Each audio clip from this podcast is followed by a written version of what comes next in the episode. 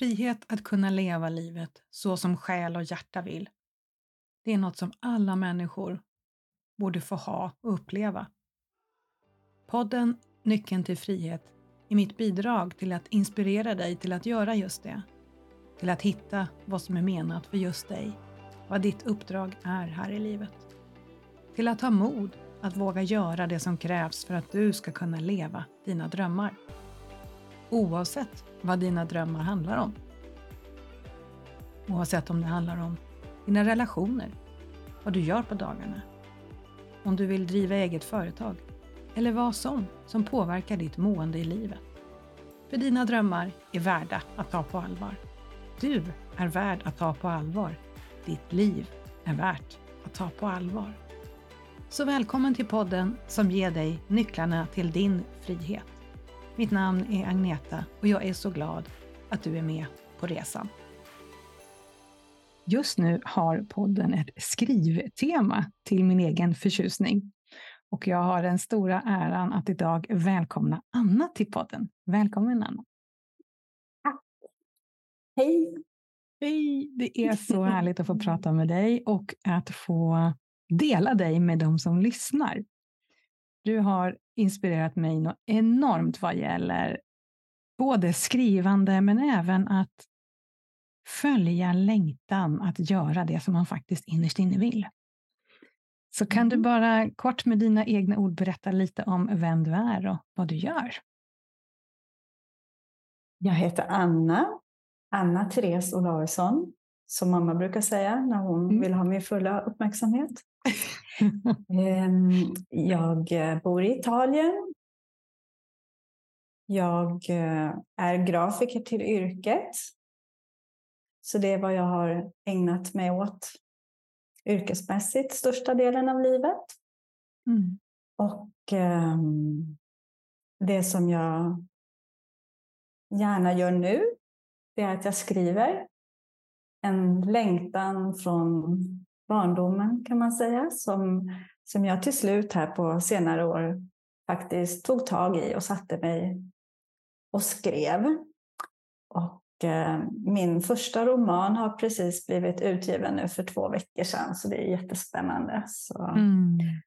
Mm. Underbart. Läskigt och underbart. Precis, jag förstår det. Det här att lämna ifrån sig en skapelse till andras bedömning på något sätt. Mm. Så hur, hur känns det? Det känns väldigt, väldigt konstigt. Och den här uh, boken som har kommit ut nu, det är egentligen den, det andra manuset jag har skrivit. Men det är det första som har blivit utgivet. Så jag har ju levt med, med min historia, den här historien då, som har blivit bok nu, om vi ska prata om den, ganska länge. Den har ju varit och är fortfarande en del av mig. Men ehm, och det här med att bli utgiven, det är ju helt fantastiskt mm. att få bli det. Men det innebär ju också att den här boken nu finns och den lever lite sitt egna liv känner jag. Mm. Det är jätteläskigt att, att människor jag känner ska läsa boken. Det är jätteläskigt att folk jag inte känner ska läsa boken. Mm. Och det här med att um, ja, folk har åsikter och tycker saker och sådär. Det är nytt för mig, så det är väldigt omvälvande. Mm. Men det, det är väldigt fint också att boken kan få leva och kan få ha sitt eget liv. Mm.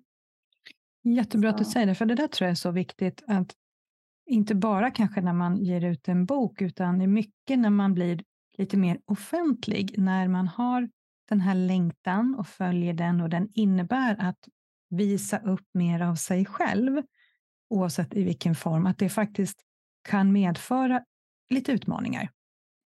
Att när vi lämnar ut en del av oss själva, det är ju tyvärr inte så i världen att det är bara det positiva och lyftande som kommer igenom, att det finns något filter som tar bort allt det andra.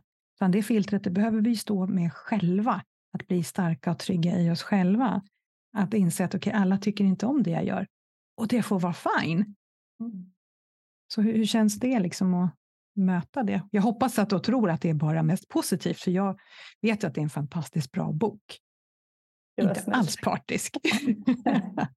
men den är ju bra. Men det finns ju alltid folk som tycker annorlunda. Så mm. hur gör du där? Folk ska ju tycka annorlunda. Alltså jag tycker ju... Så I teorin, när det gäller allting i hela livet, så, så ska ju folk tycka annorlunda. Och jag mm. har också åsikter. Jag tycker inte om alla böcker jag läser. Och det är, det är okej. Okay. Så det är inte så att jag sitter och förväntar mig eller tror att alla ska tycka om den. Det som är nytt är ju att, um, ja, men att få de här kommentarerna och få nu är det har inte varit så mycket kommentarer. Det är mycket i huvudet också, men mm. bara att till exempel om jag tar som exempel då dagen efter den kom ut. Boken finns som ljudbok och e-bok, så inte som pappersbok. Mm. Men eh, de här streamingtjänsterna redan dagen efter så var det en som tyckte att den här var ju tråkig, det hände ingenting. Och jag förstår ju också att hon kan inte ha hunnit ens lyssna på hela och det är helt okej. Okay. Och i vilket fall som helst så det är okej. Okay. Men det är så här att jaha, okej, okay, nu är det en ny situation för mig här. Nu måste jag um, sitta med det här och försöka att, eh, uh, men att inte ta saker personligt. Och det jobbar jag mycket med generellt också. Jag, jag tar inte saker personligt. Men nu finns det plötsligt anledning att, att sitta lite med känslan också och jobba mm. lite extra mycket med det här. Ja, för jag tänker att det, det, måste ju vara att man kan ju säga saker på så många olika sätt. Och en människa kan ju komma från en plats med eh, trygghet och att man kan ja, uttrycka en, en åsikt. Men ja, nu, nu känner jag att jag surrar runt. men jag tycker att egentligen så vore det trevligt om man redan funderar på, behöver jag säga det här? För jag kan absolut, folk tycker olika, det är fine, det tycker jag också. Men det vore trevligt hur vi uttrycker oss, att vi alla försöker komma från kärlek och se med de glasögonen. Det låter jättefint och vackert, men så fungerar det ju inte i verkligheten. Gör inte det? Kan inte jag få bestämma det? Jag skulle ah. vilja det. Mm. Jag är lite insnöad på det här också med, med förväntningar och dess koppling till besvikelser. Mm. Så jag försöker att inte ha så mycket förväntningar. Mm. Och det där som du säger, det är ju en jättefin tanke, men om jag skulle förvänta mig det, mm. då skulle det bli jätte, jättejobbigt. Mm. Och då lägger man ju också ifrån sig ansvaret på de andra, hur de ska bete sig. Exakt. Och det, det, kan jag ju, det känner jag också att alltså det kan jag ju inte hålla på med. Nej. Att det är tillräckligt att sitta med mitt. Det är väl egentligen det enda vi kan göra. Du är väldigt klok när du säger så, för det handlar ju om att ta hand om sig själv, sina reaktioner och ja, vårda det vi har inom, det det väcker inom dig om någon skriver mm. någonting. Och sen så får du öva på att okej, okay, det är ditt och det här är mitt. Mm. Precis, och sen finns det ju också massor med folk som tycker bra saker. Ja, och handlar det inte om att fokusera lite på det då? Jo.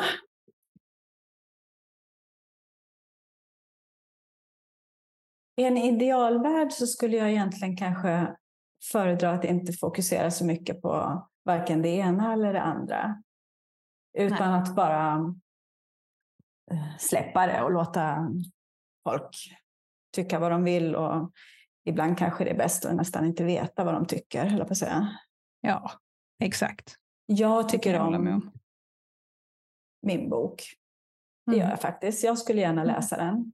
Mm. Och jag vet att det finns massor med människor som vill läsa den och som uppskattar den. Så att mm. min förhoppning för boken är att den ska bli läst, helst av jättemånga och mm. helst av människor som, som uppskattar den, som skulle uppskatta den om de läste den. Mm. Att rätt läsare, om man får kalla så, alla mm. är ju rätt, men att um, ja, inom situationstecken rätt personer hitta boken. Mm. Ja, jag förstår precis vad du säger, för jag tänker också när du pratar nu så är det ju som jag tänker tillbaka till ursprunget till varför du egentligen har skrivit. Jag tror inte att du kanske har skrivit en bok för att det ska bli kanske den här bestsellern, jag ska bara tjäna pengar. Det är inte riktigt syftet kanske. Det är ju kul om det genererar både uppskattning och pengar, självklart. Jag unnar dig det till hundra procent. Men jag vet ju liksom upprinnelsen till att du började skriva, att du kom från ett annat håll. Kan du berätta lite om, om den glädjeresan? Vad är det som har pirrat och längtat? Under många år så har jag känt att jag har tid, men att jag inte riktigt använder tiden på, på bästa sätt. Och den här rösten, själens röst som har börjat pocka på att uh, jag tycker om att skriva, jag har alltid gjort det. Jag har ibland suttit och tänkt eller tanken har kommit för mig att vem vet, jag kanske skriver en bok en vacker dag. Mm. Att det har funnits hela tiden i bakhuvudet. Så att jag satte mig och skrev, dels så var det för att jag fick en idé som, som jag kände att men det här faktiskt, det här är faktiskt kanske någonting. Det här skulle kanske faktiskt kunna bli en historia som skulle vara rolig både att skriva och kanske att läsa. Så ja, det var helt enkelt dags att ta tag i saken. Och att jag, det jag märkte då när jag började skriva, det var ju att det, hur roligt det är. Jag, hade, jag vet ju det, men jag hade ändå kanske glömt bort det. Jag hade glömt bort den här känslan av hur det känns mm. när tiden stannar. Och mm. Jag tror att jag har suttit vid datorn i en halvtimme och det har gått tre timmar. Och historien börjar leva lite sitt eget liv. Finns mm. med i tankarna även när man gör annat. Um, Ja, så glädjen, och det har jag också hela tiden tänkt att jag skriver för att jag tycker att det är roligt. Mm. Inte för att det ska bli en bok. Alltså målet har inte varit att det ska bli en bok på så sätt, utan målet har varit att, att jag ska roa mig och att, att, jag ska, att jag ska skriva klart också. Att jag faktiskt mm. ska inte bara börja skriva ett manus, om vi ska kalla det manus, innan det blir en bok. Så mm, att också ge mig själv den presenten att faktiskt fullfölja också någonting. Mm. Det tror jag är jätteviktigt. Du, du får ju in glädjen. Det är som att den har verkligen ditt eget liv. Den har, den har pockat på. Den vill mm. fram. Och så kan du leva med den och låta den få växa det dynamiskt med ett, ett, ett åtagande på något sätt. Du mm. kommer få gå från ax till limpa, du kommer få se dagens ljus, om man säger så, mm. för en bok. Att hedra det, men samtidigt ha roligt under processen. Jag tycker det låter helt fantastiskt. Ja, det har varit jätteroligt. Det är fortfarande jätteroligt. Mm. Och det är hjärngympa. Och man, jag lär mm. mig också jättemycket. Mm. Att hålla reda på allting och ja, det har varit en resa på, på flera sätt. Och personlighetsmässigt också. Det jag har märkt det jag har märkt som jag tycker är intressant och lite spännande det är att jag får väldigt mycket inspiration av mig själv när jag var liten. Mm -hmm. Det är mycket som, som kommer tillbaka. Det är som att mig själv, den jag var när jag var liten och den jag innerst inne är får komma fram. Att det är som att inspirationen kommer mycket från ett ställe som, ja, som är jag själv, men förr i tiden. Mm. Det här barnet som kanske på den tiden inte hade alla de här filtrerna som jag har idag. Mm. Och det har också varit fint att få ge plats till henne. Mm. pratar om mig själv i tredje person. Ja, men lite så. Mm. Lite, inte jag schizofrent, den men... Och mycket inspiration från mitt eget liv också. Det har Mm. gett, gett lite mening till hela livet. Alla Mm. saker som har hänt, både bra och dåliga. Och det, nu kommer det upp, när jag skriver så poppar det upp minnen och det kommer så små fragment till saker som är så här, men gud, det här är ju jättebra, det här kan jag ju stoppa in i boken. Det här Mm. kan ju höra ihop med den här personen. Den här personen kan ha haft någon liknande upplevelse. Eller den där jättejobbiga personen som, som jag mötte då som i stunden var otroligt utmanande. Men nu har jag hela det lilla paketet som jag kan använda. Jag kanske kan Mm. lägga in lite fragment av den personligheten i någon. Och jag kan bearbeta saker som har hänt nästan. Mm. Genom att ta delar av det och, och stoppa in det och paketera om det. Och det kan vara saker som kanske någonting som har hänt som har varit jättejobbigt då när det hände. Jag kanske var 19 år och det var en riktig utmaning. Och nu kan jag sitta med liknande upplevelser och händelser och, och inte skratta åt det, men bli nästan så där full i skratt. Att Mm. helt plötsligt så, så förstår jag också varför hela livet är som det. Det är ju som en enda stor Mm. databas som man har Mm. tillgång till som det står fritt att använda hur som helst. Det låter ju helt fantastiskt att det är nästan som en så här självläkning, att det verkligen blir att du kan precis se guldet i det som en gång kanske var skit. Jag har sagt att du kan hitta det och, och få det, ge näring till den här berättelsen, att den Mm. får växa. Och det, när du pratar låter det nästan som att du samarbetar med dig själv, den här inre visheten inne i dig, som kan se både med barnets novisa, nyfikna, ärliga ögon på allting innan de här filtren och det som kommer genom livet. Och den här mogna kvinnan som du är idag. Och säkert även den här riktiga viskvinnan som är urgammal från själen som kan komma in och hjälpa dig. Och du får de här glimtarna, hon visar dig en riktning och du kan liksom spinna vidare på alltihopa. Jag tycker det låter helt fantastiskt. Mm. Ja, det, det är det. Det är roligt. Det är jätteroligt. Och det är det som är så bra, det ska ju vara roligt. Mm.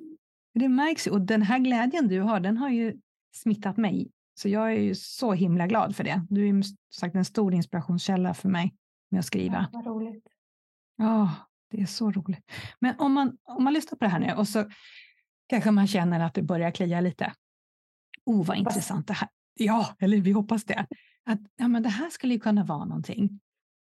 Om man nu till exempel har en historia, man känner att det är någonting som börjar ta lite form, som gärna vill komma ut. Och vad har du för tips och råd att ge till någon novis som vill börja skriva? Mitt första och bästa tips det är att sätta igång. Det är ett bra tips. Det är ett bra tips. Och jag tänker också att man behöver inte veta när man sätter igång hur det ska gå, vad det ska bli, om den ska bli klart. Och det kanske inte heller spelar någon roll. Utan sätt igång så får man se var det, var det tar vägen någonstans. Mm. Och jag tror att det är väldigt lätt att begränsa sig själv. Att det ofta är vi själva som, som begränsar oss. Och det finns massa anledningar till varför man inte ska komma igång. Mm. Men eh, då tänker jag att man kan försöka strunta i dem. Mm. Att jag skriver för min egen skull, för att jag tycker att det är roligt. Mm. Jag väljer själv hur mycket jag ska skriva, om jag ska skriva klart. Jag skulle kunna avbryta alltihop om jag är på det humöret.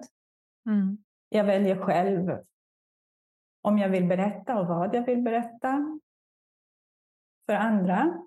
Mm. Ingen kanske inte ens behöver veta att man har börjat skriva. Mm. Då försvinner ju den pressen att vad alla andra ska tro eller sådär. Att verkligen tänka, speciellt från början, att man gör det för sin egen skull. Och få se vart det leder. Mm. Det jag upplever också är att när, när man väl har kommit igång, eller i alla fall, nu ska jag inte säga man, men jag vill ju säga också man allmänt, inte bara jag. Men min upplevelse är att när jag väl hade kommit igång och så, så var det ju så himla roligt så att jag fick ganska mycket upp farten. Mm. Och sen helt plötsligt så satt jag och tittade där i mitt dokument och sen hade jag ju kommit ganska långt. Jag var ju nästan, jag ska inte säga halvvägs in i en historia, men jag hade ändå formen började. Jag började ha klart för mig vad som skulle hända och så där. Och då blev jag så ännu mer peppad att faktiskt mm. fortsätta när jag faktiskt märkte att gisses Amalia, det här håller ju faktiskt på att bli någonting. Vad roligt. Så, så det blir som ett momentum, man väl börjar. Så ja. kanske det ger sig alltid ger energi att du går åt rätt håll. För jag tycker det är så bra som du förklarar, för det, jag ser det som att man, man tar bort trösklarna, sänker förväntningar, snäll med sig själv. Inte, det här måste bli en bestseller, annars så är det ingen idé. Det här mm. måste bli en utgivning. Att strunt, försöka strunta mm. i allt det där. Mm. Och känns det också som att ja, men min omgivning kanske kommer ha saker och ting att tycka, säg ingenting då. Nej, men faktiskt. Börja. Ja. Man får vara lite selektiv tycker jag med vem man ja, öppnar sig för. Speciellt i början. Ja, men precis. Jag tänker lite jämförelsen med Vedic Art. Jag har gått någon kurs i det någon gång. Mm, för prestationen. Ja, du har också gjort ja, det? Mm, mm. Alla en dag bara, men ja. ja.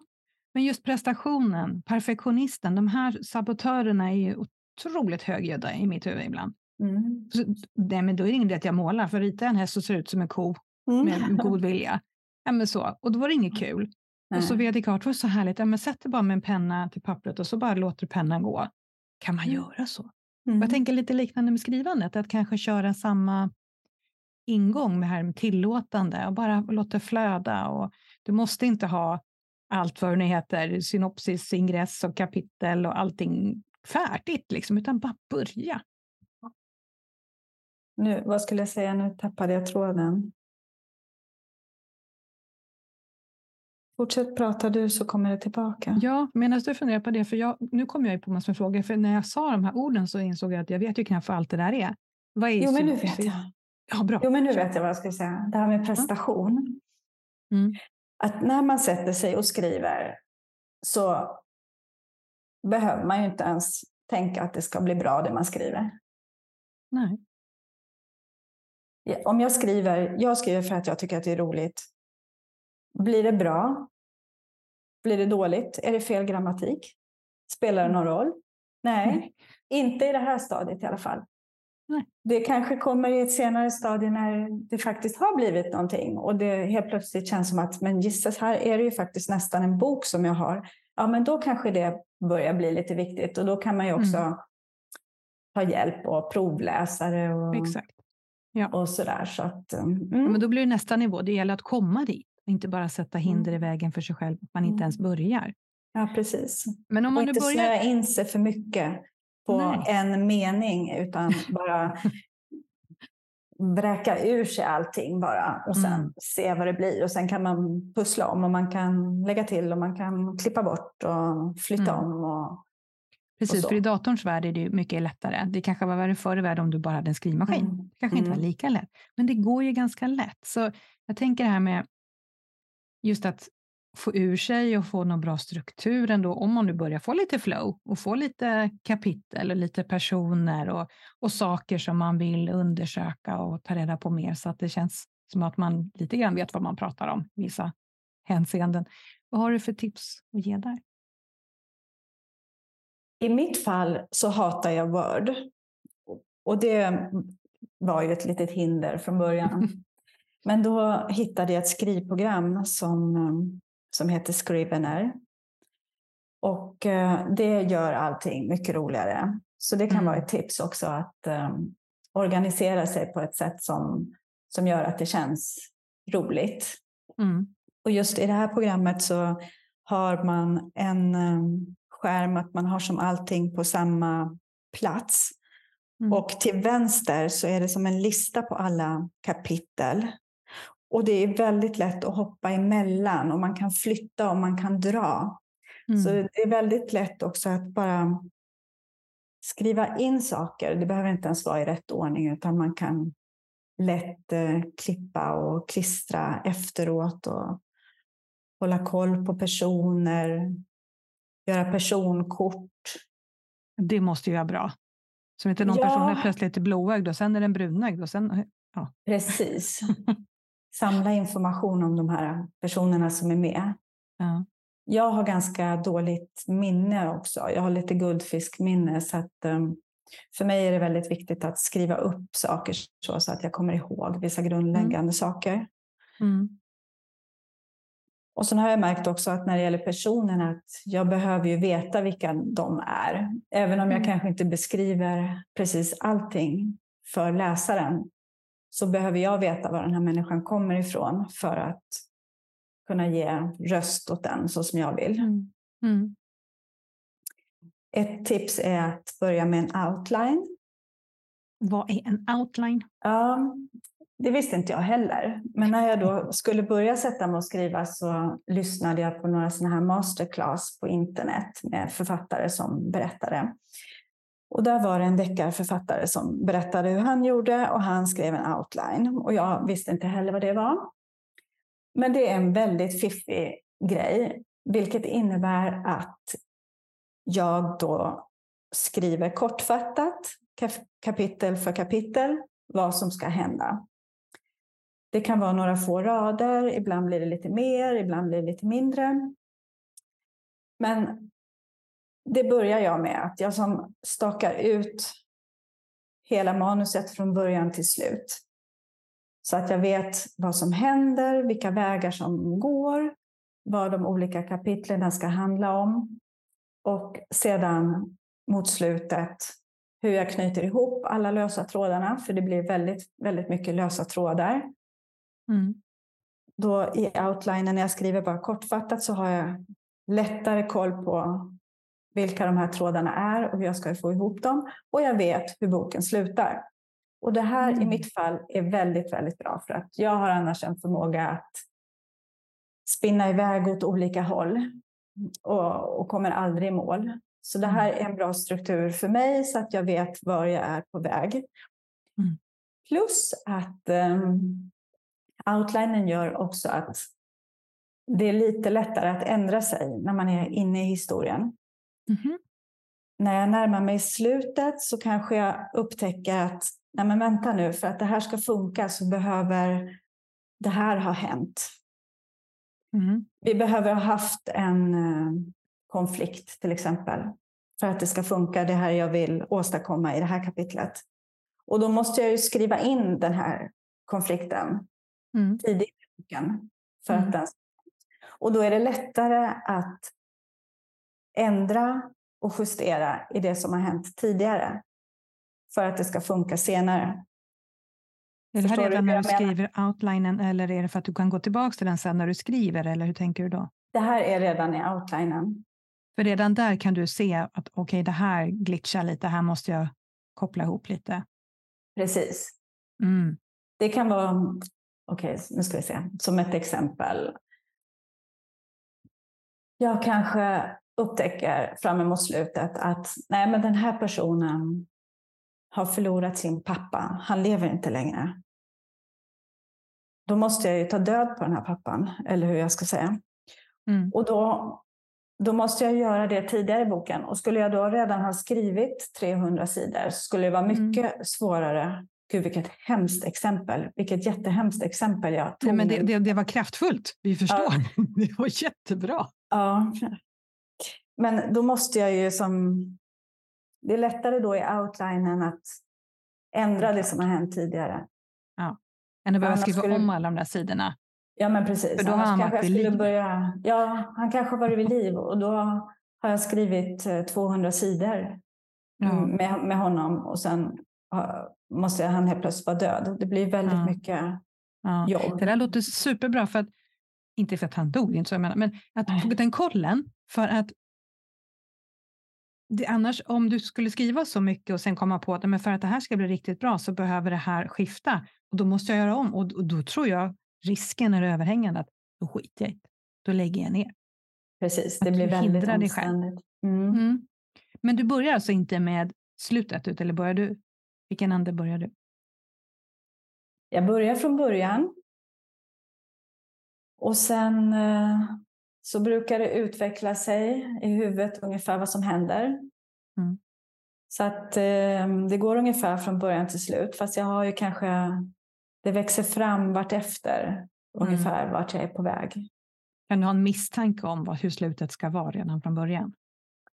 Ja, det kan jag ha. Mm. Hur man ska komma dit och det kan ändra sig också. Och Det låter ganska mysigt och härligt och tillåtande tycker jag, att det kan få ändra sig, att det får växa fram i den här outlinen, då, så att du har det ja. som den här grova strukturen och sen kan du liksom bygga på den. För jag antar att du gör sen då förstås. Ja, och sen när jag väl börjar skriva på riktigt, eller vad man ska säga, då blir det ju också utvecklat och det kommer mm. till detaljer och det kanske kommer till saker då också. Men det som är bra med outlinen också är att då kan jag lämna den till några provläsare. Ja, vad smart. Som redan där kan säga, nej men vänta nu här, alltså det här låter lite konstigt. Alltså kan det här verkligen stämma? Tror du inte? Alltså här tycker jag att det låter som att polisen skulle behöva göra en husrannsakan. Mm. är det inte väldigt märkligt att, att det där inte blir någonting mer av det? Mm.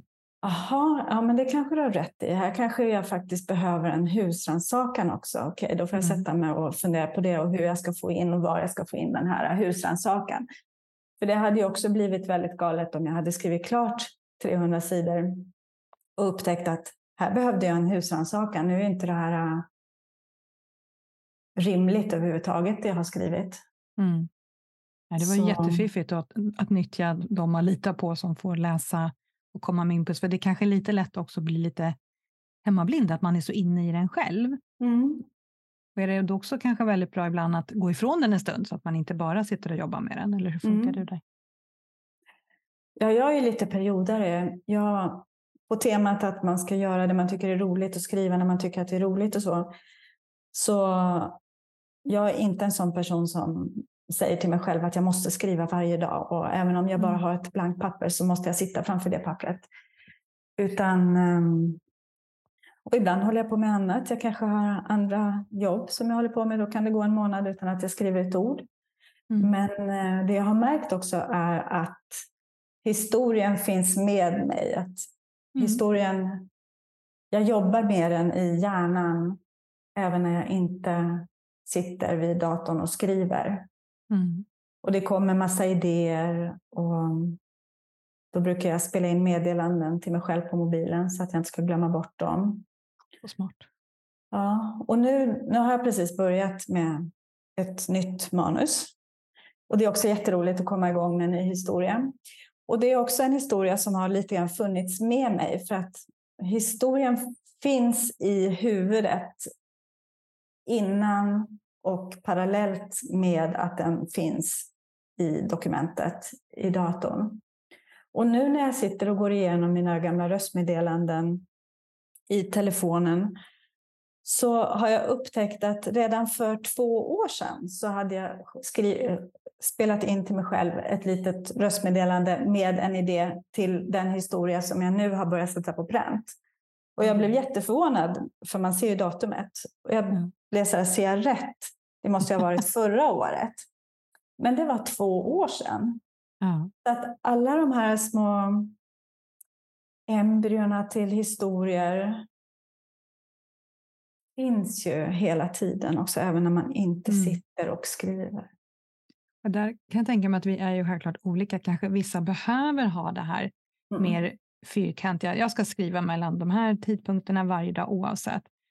Jag tycker det är så skönt att du får in det här, det låter så tillåtande och så tycker jag det låter också som att det är mer också tillåtande till den här egna varelsen som jag känner berättelsen är.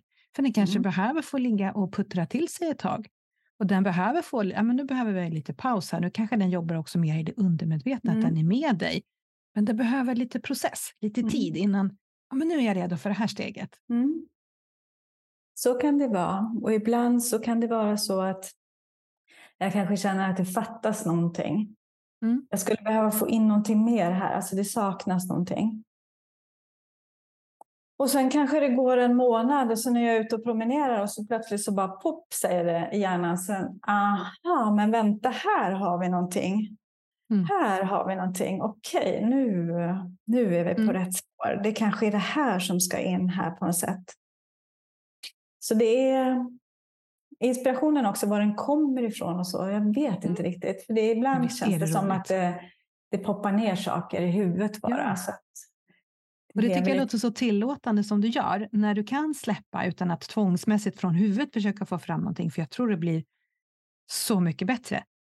Jag är övertygad om att det blir så mycket bättre mm. när du tillåter den här inspirationen att få vara med och få visa sig för dig på de här mm. olika sätten, att du är öppen för det. Att det kan bara ploppa ner i huvudet. Mm. Ja, det är häftigt när det, när det gör det. Ja. Det är väldigt tacksamt alltså när man får när jag får hjälp. Det känns mm. lite så. Ja, förstår jag. Det är inte så att jag sitter här och harvar fram en historia, utan den kommer på något sätt. Exakt, jag förstår det. Det var det jag menade förut med att du, har, du mm. samarbetar lite med mm. dig själv. Ja, men precis. Så känns din, det. Ja, den här inre intelligensen, den här mm. visdomen som finns mm. i dig. Det är fråga, ser du de här människorna också? Ser du hela berättelsen framför dig? Ja, ganska mycket. Jag de här personerna de finns ju med mig hela tiden. Det blir lite mm. som vänner. Och det finns ju lite av mig själv också i alla personerna, nästan, mm. mer eller mindre i alla fall. Så att ehm, ja, jag ser dem ju ganska klart. Mm. Jag känner dem ganska klart. Ja. Kanske inte bara sådär utseendemässigt, men jag vet vilka de är, jag känner dem. Ja. För jag tänker att ibland när man läser en bok och sen så ser man en film och så nej, det gick inte ihop för det var inte så jag såg dem. Jag tänker när man läser en bok själv, jag, jag har ju väldigt, de blir så levande för mig. Så ibland kan det verkligen krocka om någon sen gör en film om det inte stämmer överens med hur jag har sett det. Mm. Så jag tänker mig att... Det var lite intressant det du säger också, för att det jag har gjort i mitt skrivande i de här ja, tredje manuset nu som jag har börjat på. Så redan från början så har jag valt att inte beskriva hur personerna ser ut. Mm. Har du inte tänkt på det? Nej, det har jag Nej. inte tänkt på. För de har så, varit så tydliga i mitt huvud. Ja. Och det har, jag gjort, ja, men det har jag gjort med flit också för att jag vill ge läsaren chansen att själv se de här personerna. Mm. Och jag tror att alla människor har ju sin, sitt liv och sina erfarenheter och sina glasögon och filter som man ser saker genom. Och om jag mm. beskriver en person så kanske någon sitter och drar paralleller till någon annan person som den har mött tidigare i livet. Eller det finns ju massa olika anledningar till hur man ser en person, hur, mm. hur den är och hur den ser ut. Så att just utseendet har jag faktiskt lämnat helt därhän. Så det finns ingen, det som man kan få reda på är till exempel att den här personen har hår. Mm. Personen kanske drar händerna genom håret. Okej, okay, jag förstår mm. att personen har hår. Mm. Kanske, kanske någonting om hur den klär sig eller sådär. Mm. Har på sig en solhatt. Någon har på sig. Men jag beskriver inte hur de ser ut. Och det kan jag själv bli irriterad på när jag läser att när jag läser en bok så ibland har det hänt att uh, det kanske har dröjt hundra sidor innan jag får veta att den här personen har en indisk mamma. Då blir jag lite så här, jaså? Okej, okay, så hon uh, har... Det syns inte. Det, det syns inte. Nu, nu, måste jag börja göra om min bild. Okej, okay, nu har jag gjort om henne. Okej, okay, nu, nu, ser hon, nu ser man att hon har indiskt ursprung. Så antingen så skulle jag i så fall försöka att berätta det ganska fort, det man behöver veta, eller mm. låta bli. Och jag har valt att låta bli. Gud vad bra.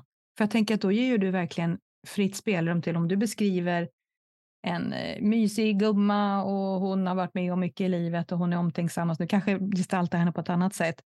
Och då kan jag plocka in den bilden som jag har av just en sån mysig gammal gumma. Så att du inte Precis. beskriver någon och säger, nej men hon är elak. den som jag ser som ser ut sådär. Hon är elak. Mm. Smart där. Mm. Fiffigt. Nej, det hade jag inte tänkt på. Nej, det är lite lustigt också då att du inte hade tänkt på det. Att man kanske inte ens märker det. Nej. Men, men så är det. Och därför också med, med omslaget till boken. Jag är jättenöjd med omslaget. Det är en formgivare som heter Emma Graves som har gjort det. Jag tycker att det är jättefint. Mm. Och eh, det jag sa då också till eller förlaget där med eller jag vet inte ens om jag sa det. Jag tänkte det i alla fall. Att jag vill inte att det ska finnas någon bild på en person på omslaget. För att då, då får man en bild av någon person och det vill jag inte ge. Så därför är det blommor. Jag tycker det är jättefint och jag tänker också, jag är ju extremt introvert så jag gillar ju verkligen titeln på din bok. Ska du berätta, vad heter boken? Talande tystnad. Det är så bra. Och det, alltså det måste jag faktiskt då få berätta. Den titeln, Talande tystnad, det här är faktiskt lite sjukt nästan. Den kom jag på när jag var kanske 10-12 år. Någonting. Mm. Så någonstans där så fick jag den här titeln Talande tystnad. Men det skulle ju vara en jättebra titel på en bok. Det måste jag komma ihåg. Typ att, ja, men vem vet, kanske en vacker dag att jag skriver en bok. Och sen några gånger genom åren, genom livet, så har det där kommit tillbaka. Att det där talande tystnad, just det, jag måste komma ihåg det. Jag måste ha kvar den här titeln.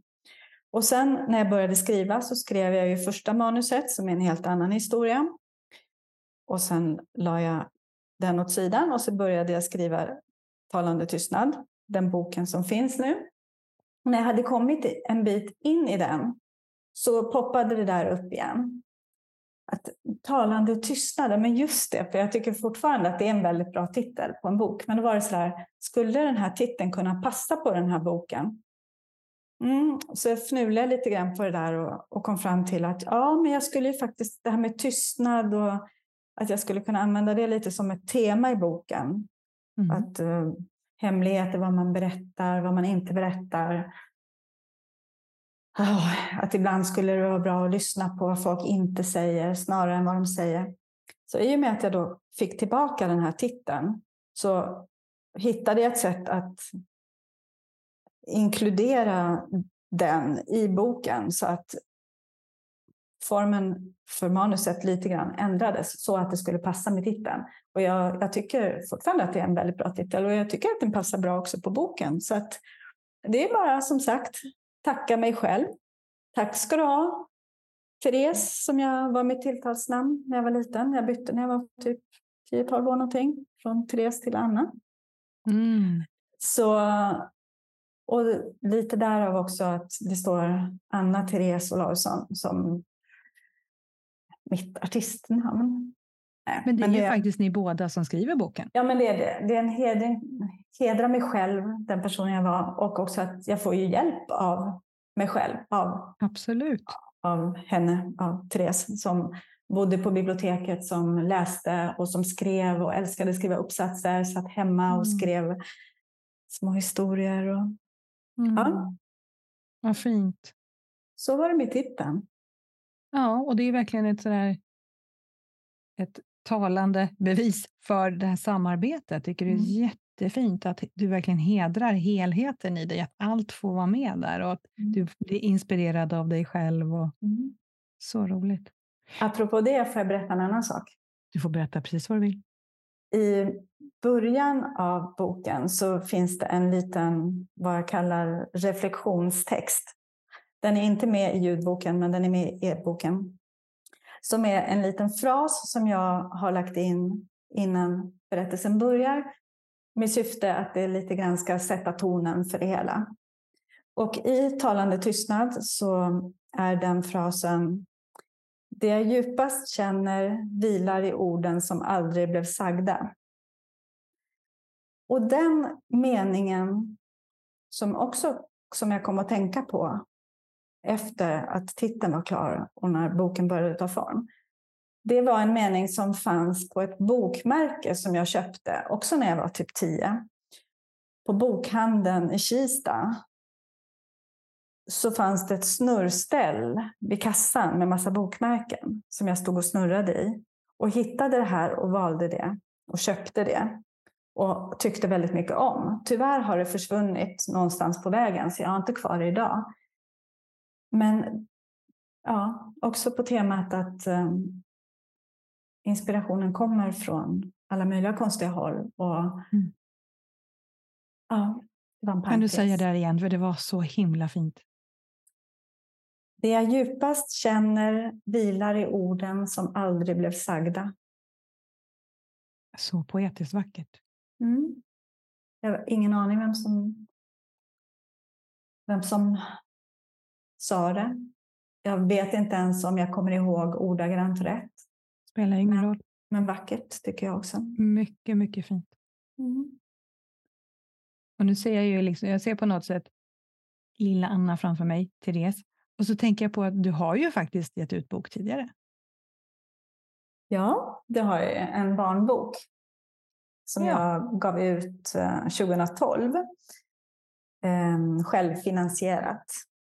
Mm.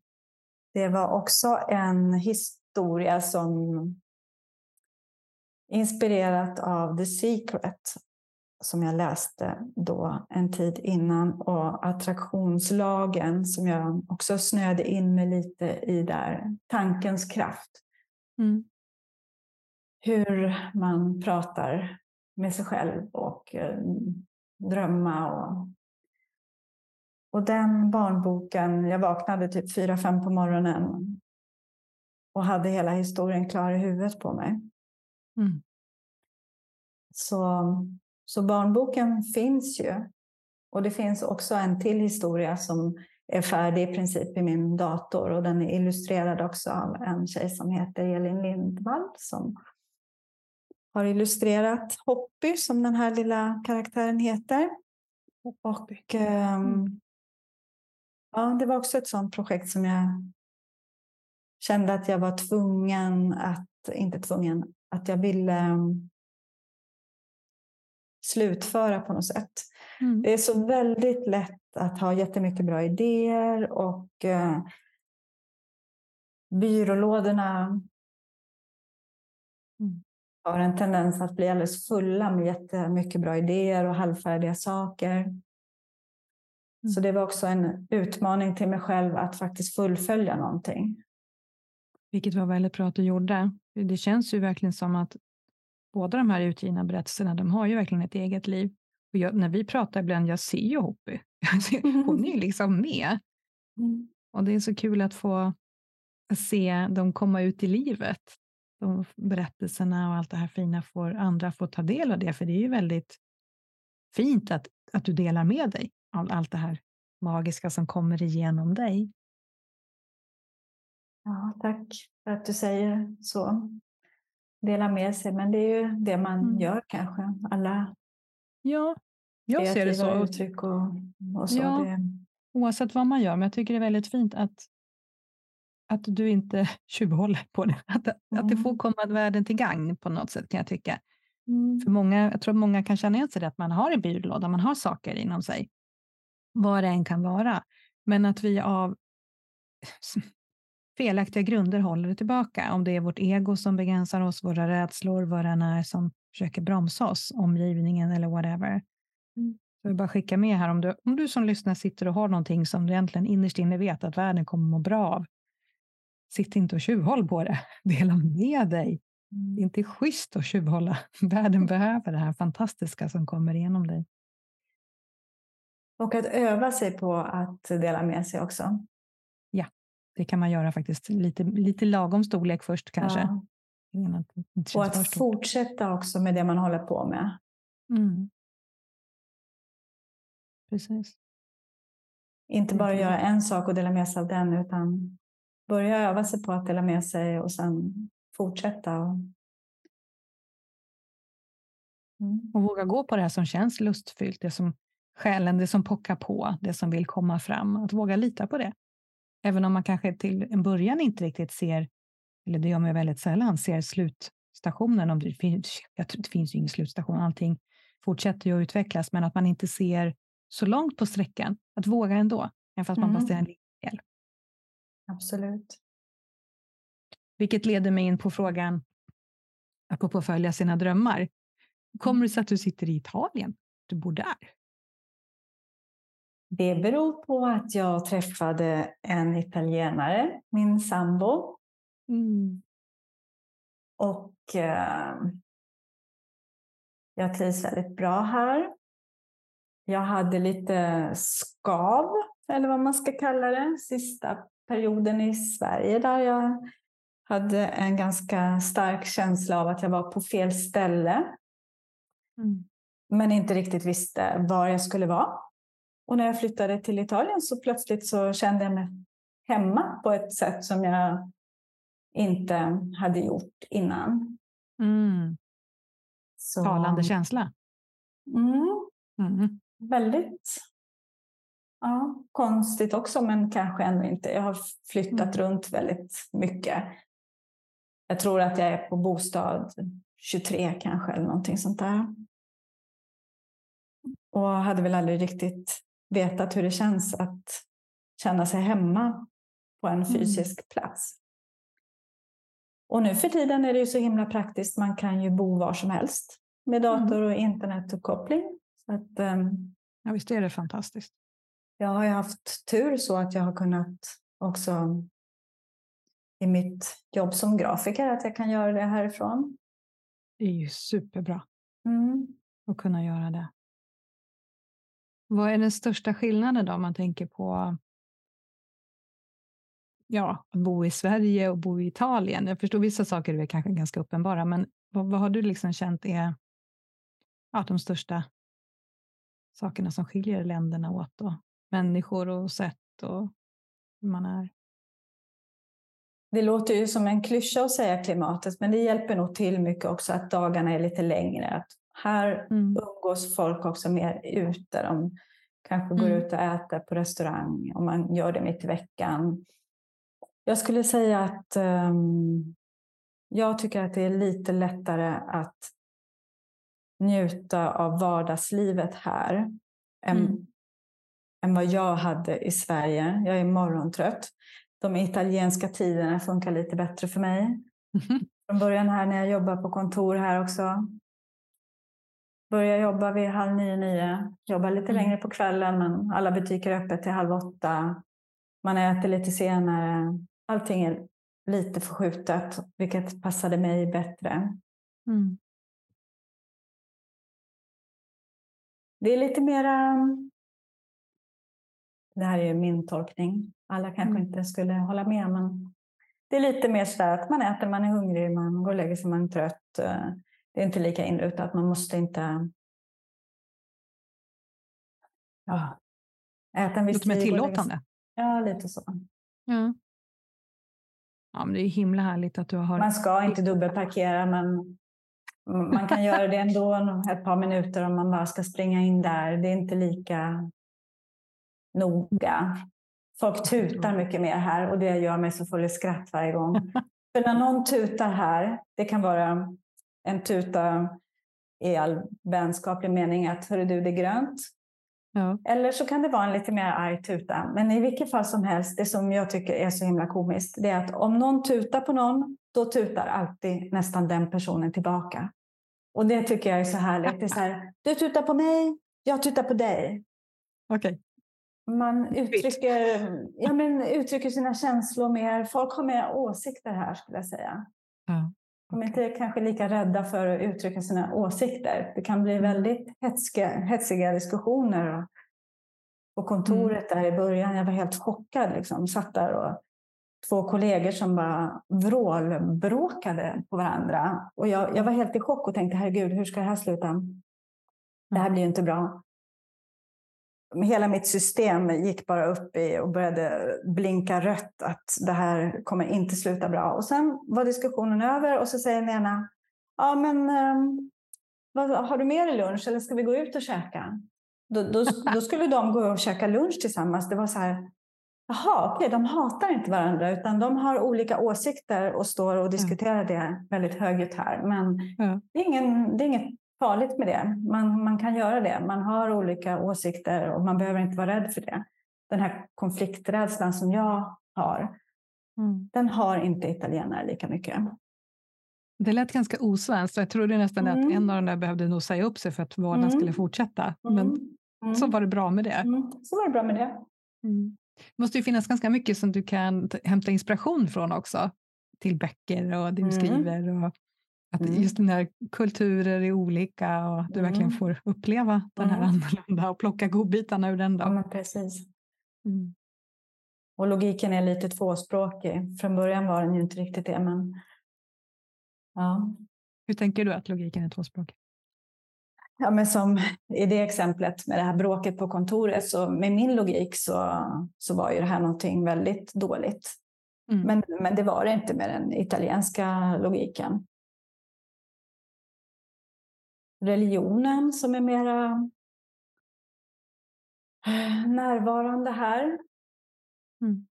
Till exempel också att jag fick en, eller ja, sådär när det kommer på tal att jag fick frågan någon gång att, som att i Sverige, att man går inte i kyrkan på samma sätt som man gör i Italien. Och så sa, men varför inte det? Att, varför mm. tror man inte på Gud? Så här, ja, vilken annorlunda fråga. Mm. Samma fråga fast tvärtom. Att den logiken också, att praxis är att man gör det och Mm. Varför tror man inte på Gud? Jättebra fråga. Det låter väldigt berikande att man kan få hjälp att se saker och ting från många olika håll. Ja. Vilket måste vara jättebra när man skriver böcker. Mm. För då är det ju så fint att få se olika bilder av samma, samma sak. Jag tycker det också är väldigt intressant att se saker från olika synvinkel och att um, leva mig in i hur andra, försöka förstå andra, var de kommer ifrån. Mm den här personen som man tycker har en jätteknapp åsikt. Men var kommer den här personen ifrån? Och som, som ja, lite introvert då, då, så har jag en tendens till att gärna sitta tyst och lyssna på andra hellre än att ge mig in i den där diskussionen. Det gör jag mm. fortfarande helst inte om jag slipper. Mm. Om jag får en direkt fråga kan jag väl svara, men det är inte så att jag kastar mig in i några diskussioner, men jag tycker att det är väldigt intressant att sitta och lyssna och mm. på andra. Och Lärorikt. Mm. Jag tänker att det du förmedlar då i dina böcker blir ju ett fantastiskt fint bidrag, höll jag på att säga till världsfred, men på något sätt, för man börjar ju det lilla, man börjar med sig själv, att hjälpa till med förmågan att förstå Sen behöver det inte alltid vara att man kanske fullt ut förstår en annan människa, men man kan få en, en insikt, kanske en, ändå en, någon respekt, att medmänskligheten ökar, att man kan förstå att det finns olika sidor till allting. Så där tycker jag du gör ett jättefint det är ett väldigt fint bidrag till den delen, för jag tycker det är väldigt viktigt. Det behövs i världen, att vi kan se från olika håll.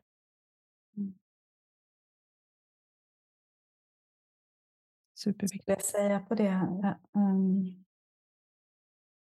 jo, en annan sak som jag tycker är väldigt intressant, det är det här med hur vi dömer och ser på våra medmänniskor. Och det är också mm. det att um, det är lätt, det gör väl alla hela tiden, dömer och har åsikter kors och tvärs. Och att också vara medveten är att det är precis det det är, att den här personen som jag ser så här, det är jag som ser så här. Att det kommer ifrån mig. Och både människor men även situationer att du och jag, vi kan sitta och titta på exakt samma situation och ha helt olika upplevelser av mm, vad som antagligen. hände. Att alla människor har sin egen sanning. Och det där tycker jag är lite intressant och roligt och givande också att beskriva just mm. från olika synvinklar och sådär. Det är väldigt viktigt. Det är, det är väldigt värdefullt tycker jag. Det är så lätt hänt att vi fastnar då i huvudet i det här dömandet och pekande finger och utåt, utåt, utåt. Där det egentligen handlar om att ha modet att stilla titta inåt titta på sig själv, sin egna, de här filtrerna som jag har. Att kanske försöka då putsa de här rutorna så att jag ser klart så gott det går från mitt håll. Det är, för det, det är det enda man kan egentligen ta ansvar för. Mm. Att öka förståelsen där. Och att vara medveten om att det är det man håller på med. Eller hur? Bli medveten i steg ett. Mm. Ja, men vad härligt. Alltså. Nu har du en utgiven, två utgivna böcker, måste jag faktiskt få säga. Mm. Även om det var med egna medel den första. Och jag har fått äran att läsa båda. Jag tycker de är jätte, jättebra. Så jag tycker det är så fint, Anna, att du samskapar med dig själv. Att du, får, att du följer det här som är roligt. Att det får växa fram. Och jag tror att det har inspirerat många som har lyssnat. Och som sagt, steg ett, bara börja. Mm. Jag hoppas det. Om jag kan så kan alla verkligen. Sätt igång bara. Mm. Livet blir ju faktiskt lite roligare och lite mer meningsfullt när man Ja. gör det som man drömmer om att göra. Vad den är. Det är det som är meningen, kan jag tycka. Mm. Är det någonting annat som du vill skicka med till de som lyssnar innan vi avslutar? Nej, jag kan inte skrivglädje. komma på någonting. Att försöka boosta sig själv och att välja sitt sällskap. Välja var man hämtar sin inspiration. Och Mm. speciellt i början när det kanske är lite skört, man är lite osäker, man vet inte vad, riktigt vad man håller på med. Om du ska berätta om ditt projekt för någon, så välj vem du berättar det för. Berätta för den som du vet stöttar dig och tycker att det är roligt. Berätta Mm. inte för den där människan som du vet har åsikter om allting. Gör vad du kan för att boosta dig själv och att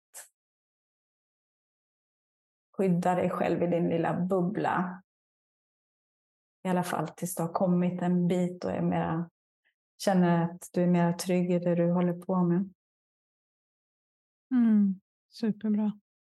Jag ser som den här lilla plantan, det här fröet som måste få slå rot och börja gro, att man vårdar det, vattnar det. Obehöriga äger inte tillträde. Att du Mm. får liksom få, få sin tid, växa upp dynamiskt och få börja bli stark. Rötterna är starka så att den kan börja växa upp och, och blomstra på det sätt som den, det här nu, vad det nu än är, är menat att göra. Jätte. Jättefin beskrivning. Och tusen tack för den fantastiskt vackra blomma som du är i världen, att du delar med dig så fint av din blomma. Tack Agneta och tack till dig själv också och din fantastiska blomma som du är. Ja, tack. Och tusen tack till dig som har lyssnat. Nu hoppas jag att om du känner en liten längtan efter att börja skriva, så skriv. Gör det, sätt igång bara. Bara sätt igång. Mm. Tack för att du har lyssnat. Jag hoppas att du har fått med dig inspiration för din resa framåt till att leva ditt liv med inre frid och yttre fred på ditt sätt. Tror du att även andra kan ha nytta av att lyssna? Dela gärna avsnittet. Vi hörs snart igen.